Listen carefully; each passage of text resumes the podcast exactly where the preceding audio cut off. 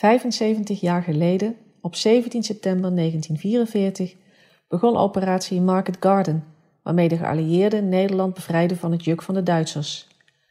Rondom Eindhoven werd hevig gevochten in die dagen. De 36-jarige Piet Bauma woonde in Eindhoven, aan het Franklinplein, samen met zijn vrouw Tine en hun dochtertjes Emmy en Irene.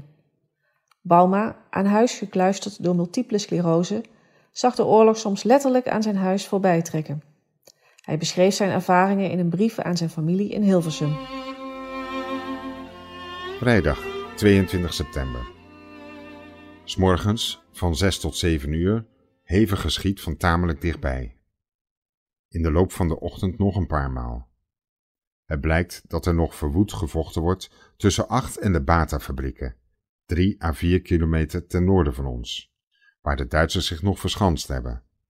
Van de uitslag weten we natuurlijk weinig. Was het een Duitse aanval, dan is hij afgeslagen. Maar was het een geallieerde vernietigingspoging, dan weten we natuurlijk niet of hij geslaagd is. S'morgens de eerste krant. Het herrezen in 1941 verboden Eindhovens Dagblad, waarvan de hergeboorte reeds maandag jongsleden per oranje strooibiljet bekend was gemaakt. Er stond nog niet veel in, maar het deed je toch goed. We hebben onze oude afgezette burgemeester ook weer terug. Vanmiddag laat ons het Elektra weer eens in de steek en we hebben bijna geen water. Maar niemand klaagt over die ongemakken. Dan had je ons eens moeten horen onder dergelijke omstandigheden in de Duitse tijd. Nu schikt elk zich er welgemoed in en de mensen overtreffen elkaar in vindingrijkheid om zich te behelpen. Toen we nog elektra hadden, maakten we thee en warmden prakjes op met behulp van mijn oude, listig opgestelde elektrische straalkacheltje. En nu gaat Tine experimenteren met een kinderfornuisje uit haar jeugd, dat je met hout moet stoken. Kennissen hebben van stenen en zand een oven in de tuin geconstrueerd, waarop ze met kooks hun eten koken, zolang het mooi weer blijft. Vanmiddag liep het gerucht dat de vijand weer uit de Bata-fabrieken was verdreven en zich nu in de bossen bij Best nog schuilhield. Het komt ons wat twijfelachtig voor. Later op de middag trekt een grote kolonne met veel kanonnen, maar zonder zware tanks, langs ons huis in deze richting. En s'nachts en de volgende morgen horen we nog te veel geschiet in dezelfde richting om aan te nemen dat daar alles in kannen en kruiken is. Later op de dag bleek het vliegveld voorlopig alweer bruikbaar te zijn. Tientallen vliegtuigen cirkelden een paar keer zonder enige hulp van Nederlanders, hoewel ze overigens genoeg vrijwilligers hadden kunnen krijgen. Alleen betrekkelijk kleine types, één en twee motorig, kwamen eraan. Voor de zware machines zijn de startbanen natuurlijk nog niet klaar. Daar zijn de moffen een jaar mee bezig geweest. Zaterdag, 23 september. Wel water, maar geen elektra. Jammer, want nu kunnen we niet bij buur de laatste radioberichten horen. En daar moeten we tegenwoordig van hebben. Zo horen we bijvoorbeeld voor het eerst via Londen dat Hezen, op 8 kilometer buiten Eindhoven, ook bevrijd was. Vandaag was het de eerste dag met regen. Een strop voor de Engelsen, want een eerste eis voor het welslagen van de Arnhem-operatie is goed vliegweer. Smiddags klaart het weer op en we krijgen weer een grootse vliegdemonstratie te zien. De ene na de andere groep van transportzweefvliegtuigen, getrokken door motorvliegtuigen, gaat zo laag over dat we de kabel waarmee zij verbonden zijn duidelijk kunnen zien. Dan weer een groep transportvliegtuigen zonder sleep. Dan weer een groep viermotorige bommenwerpers. Veel jagertjes eromheen. En alle groepen keren na korte tijd weer via Eindhoven terug. Natuurlijk zonder sleep. Een gedeelte ging weer richting Arnhem.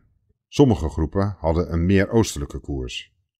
Met enige onderbrekingen heeft het vuren ten noorden van Eindhoven de hele dag voortgeduurd. In het begin van de middag was het zo hevig dat we aan een luchtbombardement dachten. Maar een passerende Tommy verzekerde ons dat het zwaar geallieerd geschut was en dat we niet bang hoefden te zijn. Het hele Philips de Jongpark en omgeving zit vol met kamperende Tommies. S'avonds om negen uur trekt met veel lawaai nog een grote gemotoriseerde kolonne voorbij met allerlei spullen, maar geen zware tanks. Ze trekken via ons pleintje ook in de richting van het park. Het duurt lang, want elk ogenblik stokt de karavaan in het donker. Voor het eerst zien we er ook marcherende troepen bij. Het is een herrie van belang. Ook horen we er tussendoor weer een luchttrein passeren met bommen voor Duitsland. Om tien uur, half elf, wordt alles stil en kunnen wij tussen de knallen door, richting west, proberen te slapen. Zondag 24 september. Gisteren hebben de talloze geallieerde jagertjes voor het eerst ook na zonsondergang gevlogen, met volle lichtjes op. Vanmorgen herkenden wij ons anders zo stille pleintje niet meer. De Tommies waren telefoonleidingen of iets dergelijks aan het aanleggen. En er was grote bedrijvigheid van komende en vertrekkende auto's. Overigens werd het een saaie, regenachtige dag met niet veel sensaties en zeer weinig vliegtuigen. Van de Tommies horen we het enige nieuws van de buitenwereld. Het gaat niet goed bij Arnhem. De Duitse tegenstand is groot. S'avonds en s'nachts klinkt het geschutvuur in het noorden weer veel dichterbij, circa 3 à 4 kilometer. Achteraf blijkt dat het niet betekende dat de Duitsers naderbij zouden zijn gekomen, maar dat de Engelsen verdragend geschut hebben opgesteld. Maandag 25 september. In de loop van de morgen vertrekt het Schotse regiment dat onze buurt een paar dagen bevolkt heeft weer. Waarheen, dat mogen ze niet vertellen. Toen de eerste tanks door de Watstraat rolden, klonk uit Ireentjes bed de slaperige stem: Is onze vuilnisbak ook al buiten gezet? Inderdaad, in de Duitse tijd hadden we een vuilnisauto die een dergelijk lawaai maakte en die we toen al soms met een tank vergeleken. Tegenwoordig zien we die auto niet meer. En moet er een grafje in de tuin gedolven worden, willen we van ons vuil verlost worden. Met dergelijke karweitjes heeft Tine het nogal druk. Te meer waar onze gedienstige de hele week maar weggebleven is. Nu is ze er weer. Emmy vroeg, toen ze de troepen zag vertrekken, komen nu de Duitsers weer? Met dat al verlangen wij er wel naar weer wat verder van het front te zitten. Het vergt toch ongemerkt veel van je zenuwen en van je nachtrust. Ik merk het bij mezelf dat ik veel gauwer moe word, zodat ik haast niet meer uit bed kom. Aan de overige verschijnselen van mijn ziekte merk ik gelukkig geen achteruitgang.